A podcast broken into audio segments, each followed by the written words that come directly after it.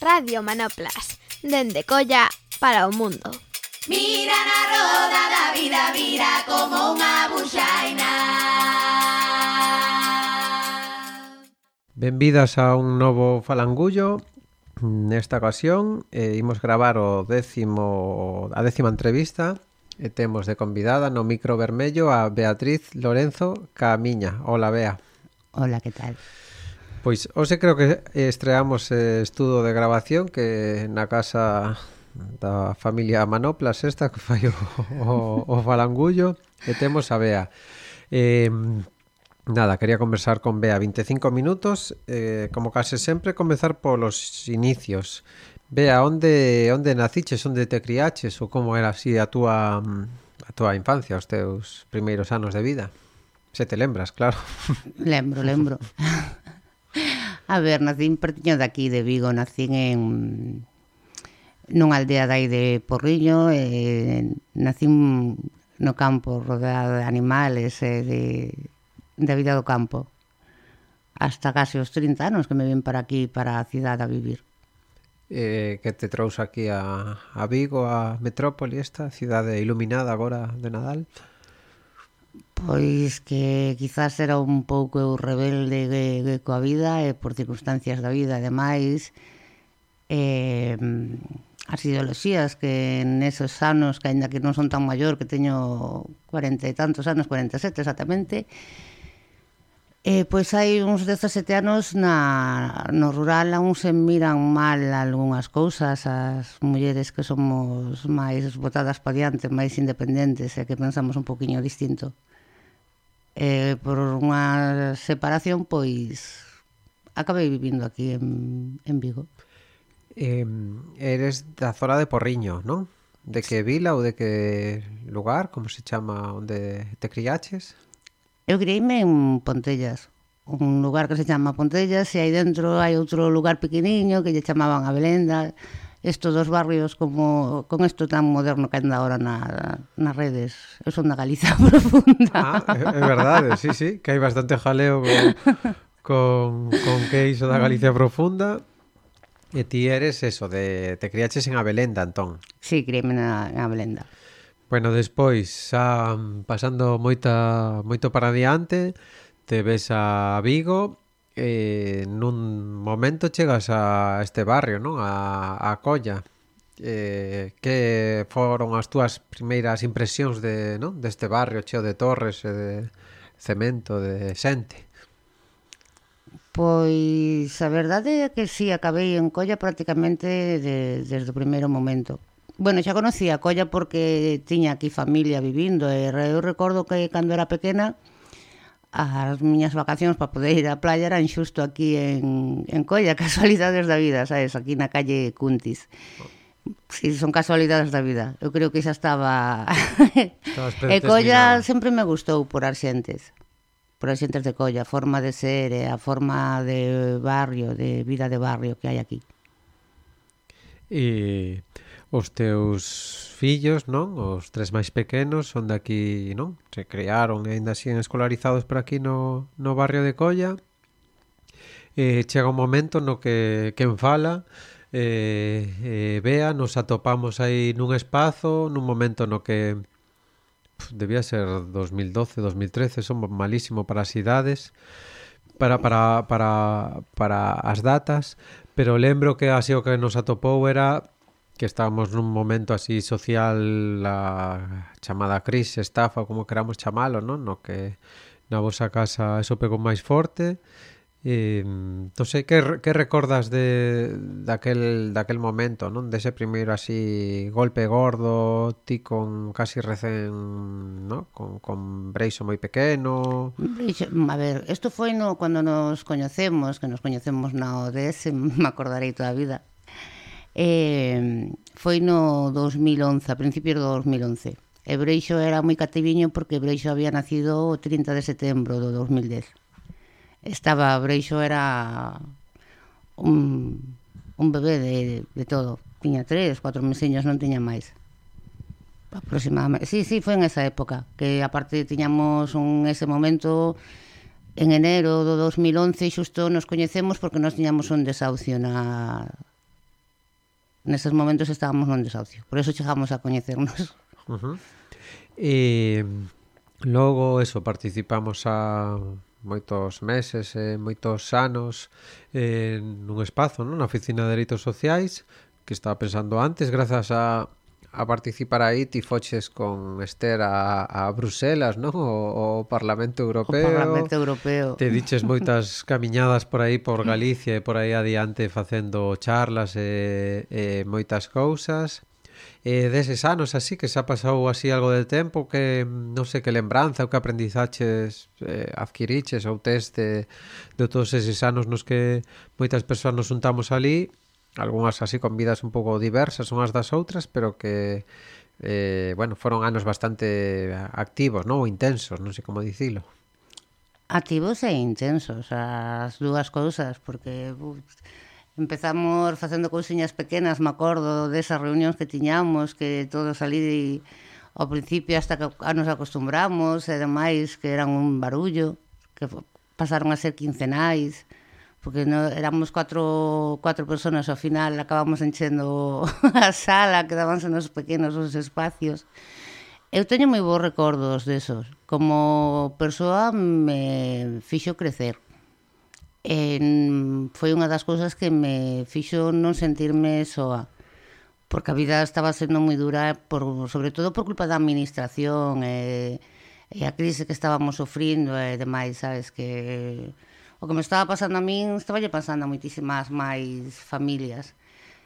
Eh, bueno, eso de que, que dicías tú, chegamos a Bruselas, sabes, peleándonos por decir todos temos dereito a vivir con con dignidade, sabes, no barrio éramos moitas as familias que estábamos con problemas para poder pagar os recibos da luz. Pff, xa non te dixo en este momento que nos están matando co, co recibos tan caros que nos poñen, e non tiñamos para comer, que en, hubo épocas que en esa temporada era moi triste chegar e dicir que eu hoxe non teño para comer. Bueno, o aprendizaxe de que tuvemos de volveres a ter esa base de decir eu non teño, pero pouco que teño eu, eu teño unhas patatas, eu teño isto, e de xuntarnos, de compartir conseguir a, volver a vivir eso que había vivido na, na Galiza profunda, sabes, de que non te sintes solo porque o veciño está aí ao teu lado e demais.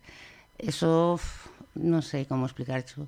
Son moitas moitas sensacións sé que, bueno, ainda que agora estea un poquinho apartada por, por certas circunstancias, pois é algo que quero volver a facer porque a sensación é eh, o de poder conseguir pequenas vitorias que parecen cousas tontas, ao final neses tempos conseguimos unhas grandes vitorias.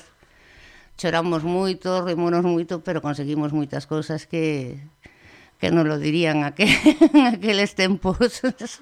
Eh, estaba pensando dúas cousas. Unha, que das primeiras cousas que fixemos na, na ODS así grupais fora co tema da luz, daquel momento, algunha charla para falarnos de, da luz, eh, que pasados case dez anos ou algo máis volvemos a ter igual máis problemas agora mesmo, non? Neste momento co tema do, dos elevados recibos da luz, dos problemas para, para facer fronte a eses gastos. E despois outra imaxe que me estaba a vir a cabeza, segundo falabas, era estar nunha casa non sei quen conseguira mm, moito peixe, non sei que era, se lubina, algo así, e quedar así como varias de nós para repartir eh, peixe porque non sei quen o conseguira e non lle entraba na neveira todo entón que avisara que que mira, entre 4 ou 5 familias nos podemos repartir isto, non? Bueno, así a miña lembranza era o tema de, de de que así sen poucos con poucos recursos íamos facendo bastante, non? Do... Facíamos un montón de, de cousas con poucos recursos. Eh, quizás eso nos enseñou tamén moito a aprender a moitas das que estábamos eh, solas, por decirlo de alguna maneira, porque en, estar nos servicios sociales é unha das cousas que ten, ou a exclusión social, unha das cousas que te ten é que te sin, faite sentir moi sola, aínda que sepas que a tua familia, que a tua familia, non, a familia esa que está vivindo en frente túa, o mellor ten o, o mesmo problema ou peor que tú, sabes? Está pasando por as mesmas, pero tens como aí como un velo encima, que isto de decir, mira, son pobre, pero eh, sacarte ese estigma de encima moi é moi difícil.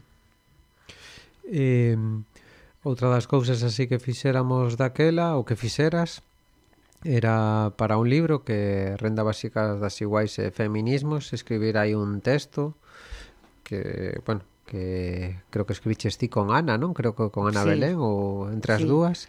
Eh, no casi non lembro o título, pero unha idea principal era o tema de, de, de usuaria persoa, non? De, de sí. dicir que... Bueno, se podes explicar iso un pouco de que vai ese texto, que ideas hai por aí? era como pasar de, perso de usuaria a persoa porque o, cuando codes os servicios sociales a verdad que non te tratan como unha persoa, sabes? Aí onde se supón que vas a encontrar traballadores sociales, orientadores sociales, xente que te vai acompañar en certos procesos, sabes? Eh, realmente te encontras con todo o contrario, eh? eres un simple número, eh, é unha pelea moi grande que teis porque te fan sentir como que non existes. Eh, era, era, era como decir, a ver, eu non estou loca. Na Constitución pon que meus fillos teñen dereito a comer, a ter unha vivenda digna, a ter, anes, sabes, para cubrir o máis básico eh, cando chegabas aos servicios sociales que se supuña que era a única opción que tiñas porque xa tens que ter, estar dentro unhas características cunha serie de ingresos ou sin ingresos para que nos servicios sociales realmente te axuden eh, eres un número e te usan e te usan un número. Para o que te usan era para as súas estadísticas. Eh, cando despois eh, a administración pois o guardián de turno que lle toco, o señor Abel Caballero, cando saca as súas estadísticas do que gastou en, en servicios sociales para axudas, pois non somos un número, somos un usuario, pero realmente chegábanos unha axuda que era unha mengurria que non nos chegaba para nada, eran cousas moi puntuales que non che daban nin para comer, nin para pagar un aluguer, sufríamos os desahucios, cortábamos a luz, Entonces éramos eso, éramos un, somos usuarias de que nós non usamos os servicios sociales, non, sabes, non usamos as asistentas, era como decir, quen está usando a quen, eu son un número. Entonces era eso, como deixar de ser unha usuaria, sabes, e sentirme persona de non chegar a un sitio que eu me sinta, pois, peor do que xa estaba, sabes? porque era moi triste para chegar aí, xa tens que estar moi mal para chegar a certos extremos. Iso provocou que algunha vez para desmontar ese ser sentirse usuaria forades con máis xente, non? Ou tía, ás veces acompañaras a algunha outra compañeira, non? As citas co, cos servizos sociais por, non? Polo medo, pola incertidume ou ás veces violencia que se sufre neses espazos, non? Que a xente moi, para moita xente é descoñecido, non? Ese ese, ese trato non que se dá ali. Eh, sí, aparte, sobre todo, os primeiros contactos que teis cos servicios sociales, sabes, porque é como un mundo diferente. É un mundo diferente eh, que é un pouco extraño de explicar. A ver, é un mundo diferente porque se supón que os servicios sociales están para axudar as persoas, ¿no? Son servicios sociais. Eh, pero o trato que recibes é eh, malísimo. malísimo eh, tú tens unha información que cando chegas aos servicios sociales xa máis ou menos xa vas informada gracias a Dios a xente aprendemos a ler hai moito tempo eh, chegabas aos servicios sociales e eh, como que te trataban de tonta, sabes? É eh, como que tú mintes no que estás dicindo, é eh, que estás exagerando, é que hai xente que está peor que tú, é que os cartos non chegaban para todas, eh, presentabas papeles e os papeles non aparecían. Eso pasábanos a todas, a máis dunha das compañeiras. entonces foi cando empezamos a empoderarnos de decir, mira, pois, a min tamén me pasou, pois eu acompáñote. Porque a mí me pasou isto de ir ali e pelearme con ela hasta a saciedade, acaboume facendo caso, e varme a facer caso porque é unha realidade que estou vivindo e, e facíamos esos acompañamientos. E, algo creo que tamén foi importante para nós, que antes falamos tamén de, de Manolo, compañeiro de Baladre, a renda básica das iguais, non? Falar que máis aladas, axudas sociais sempre moi difíciles de acceder, lentas e tal, que íamos a pelexar por, non? por un dereito e por un dereito forte, non? E iso rematou que pusemos moitas mesas para recoller sinaturas, que dimos moitas charlas e fixemos moitas presentacións, que non sei, esa utopía, non? Que pensar que algún día teremos eh, algo parecido a renda básica das iguais ou así, como a ves ou como como vives aí con iso?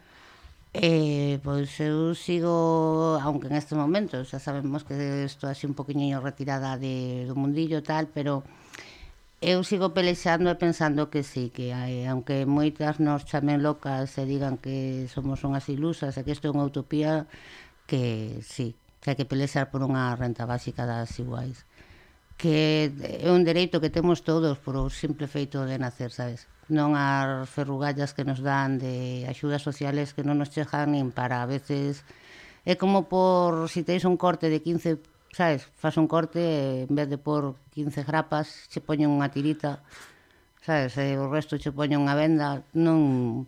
Non é igual, non? Non, non é igual, non a, a sanación e a curación non é igual, sabes, non ten un punto de comparación.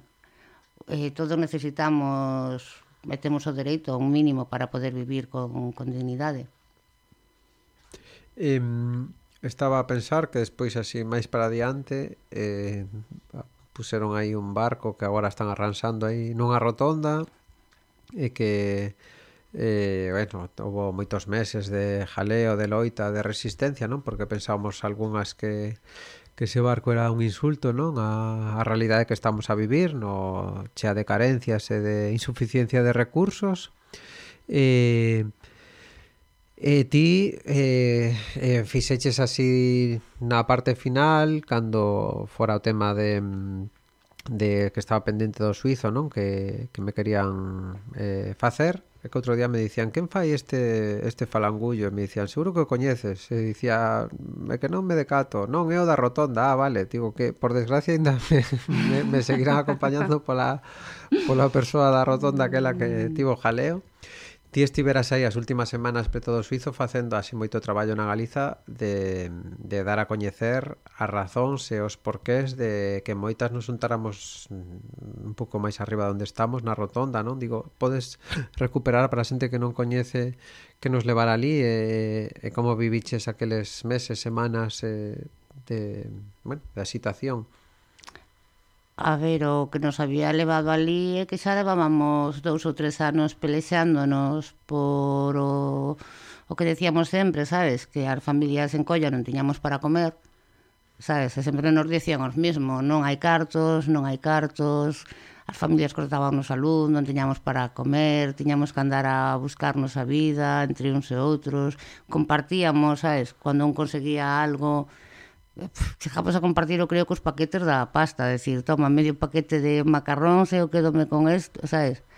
É o que nos levou a a esa rotonda que tantos tantos meses estamos aí, tantas emocións eh, eh, que nos que, buf, se me poña a pensar que hai no outro día, sabes, pasando por aí e ves ahora que o están pintando con esa valla verde que che fai recordar de dicir, mira, se ao final están pintando a mona aí outra vez, de, tanto que dixemos que tiraban os cartos eh, e as familias seguimos igual, sabes, porque a día de hoxe aquí en Vigo seguimos, somos moitas as familias, e se veu agora cando foi o confinamiento, con isto do COVID e demais, que eran miles as familias que estaban eh, en asociacións buscando os alimentos e demais, E o tema era que decíamos o, o noso lema, que sempre o decía o de non podía ser, sabes, a fa, que as familias estuvéramos sin comer e que gastaran aí de repente de tantos cartos, sabes? que sempre nos decían a nós, as familias, na cara, de cantidad de veces se tomamos na porta do ayuntamiento manifestándonos e despois chamábanos para dentro, para os despachos. Tú tamén te acordas desas negociacións de decir, a ver, como que queredes para que esteades calados? sabes que era todo unha mentira a mí o que me recorda que, bueno se si fixera falta volvería a facelo se si fixera falta de decir un barco ahora non vamos a saltar, xa, supongo xa, se está desca... xa está caindo solo. Nada, que, que o atentan, que o... Que xa que o... está caindo solo, estáñe pondo tiritas. Que o, que o sanen, é importante. Non creo que lle dure moito tempo aí. Eh, estaba, antes estaba vendo aí un material e hai un, un artigo que se chama Ser pobres unha mierda que fala non das penurias así con ese título tan forte de, das penurias de, non? de vivir na escasez e parte desas penurias estamos a falar antes que que rematan en sufrimento, non sei, psíquico ou emocional, non digo eso para para a xente que que nos poida escoitar, que lle podes dicir, non, de, de eso, de que ser pobre é unha mierda e como como se durme con iso, non, con a pobreza. Eh, o coa pobre... A ver, coa pobreza chegas a non dormir, non é que durmas. A pobreza o que che fai é non dormir. Eh, psíquicamente, psicológicamente, pasa unha factura moi, moi grande. Eh, mm, parece unha tontería, pero chega a crearche ansiedade, depresión, eh, uns cambios de ánimo moi grandes que nadie pode entender, sabes? Non tens a que encontarlle polo que estás pasando de repente, porque hai moita xente que non tuvo a suerte que tuve eu de chegar aquí a ODS, sabes? E, encontrarvos. E aún así, pois, a pobreza ou non ter ou non ter para comer, eh, sobre todo se si teis crianzas pequenas, é moi duro eh, acabas en tratamiento farmacológico e psicológico. Eh, falamos antes aí fora de micro e os servizos no, de saúde mental ou por aí eh, que axudan a sair disto? Digo, bueno, que papel no teu caso ou así na túa experiencia xogan ou, ou non sei, ou sea, algo que botes en falta no que fan ou no que non fan ou unha relación que ti tes con eles? Eh, a ver, eu levo, pois, mira, mm, isto todo pasoume moita factura, levo moito, an, moitos anos sufrindo unha serie de de brotes que non se sabía o que eran, que me poñan malísima, acabo de baixa e demais. E, en principio, o, cando te dices esos problemas de depresión e demais, non te derivan xa directamente á área de salud mental, senón que te trata o médico de cabeceira. Eh, para chegar á área de salud mental é moi complicado, tardas moitísimo tempo hasta que te vayan a derivar aí a un psicólogo. Eu acelerei un pouco o proceso, por decirlo de alguna forma, por culpa de que um, un momento, hai un, non hai moitos meses, hubo un momento eh, me encontrei moi, moi, moi mal e por medio dunha asociación eh, pois cheguei a unha psicóloga, esa psicóloga dixeme, mira, temos un compañeiro que tamén traballa aquí con nós, eh, que é psiquiatra, porque eu dábame conta que as pastillas que me estaba tomando, do que me estaban recetando, que realmente que me, aunque me axudaban por un lado, me anulaban por outro, sabes? Eh, bueno, chegaron a dar brotes de romper as gafas, romper cousas e demais, hasta chegar aí. E hoxe en día nas cidades sociales, pois agora, mira, estou de baixa médica outra vez, por culpa dun brote, me atender por primeira vez non hai moito no salud mental, e me van a volver a ver, pero dentro dos meses todavía. O sea que Que Mentras deronme, lenta, ¿no? unhas pastilliñas, sabes, tomo unha cantidad de pastillas impresionantes, pero vai moi moi lento. Eh, como que tens que explicar, justificarte outra vez ese rollo de eh, pero a ver, estou che dicindo que me encontro mal, isto que me pasa. Tens que é unha cousa parecida que decías cando estamos antes fora de micro, sabes, de decir, realmente sí, é como cando vas aos servicios sociales, ese lado de teño que justificarme, chegar a explicarche hasta o último momento, sabes? Eso en cuestións de segundos. Eh, a ver como lle explicas tú a un médico en cuestión de segundos, sabes?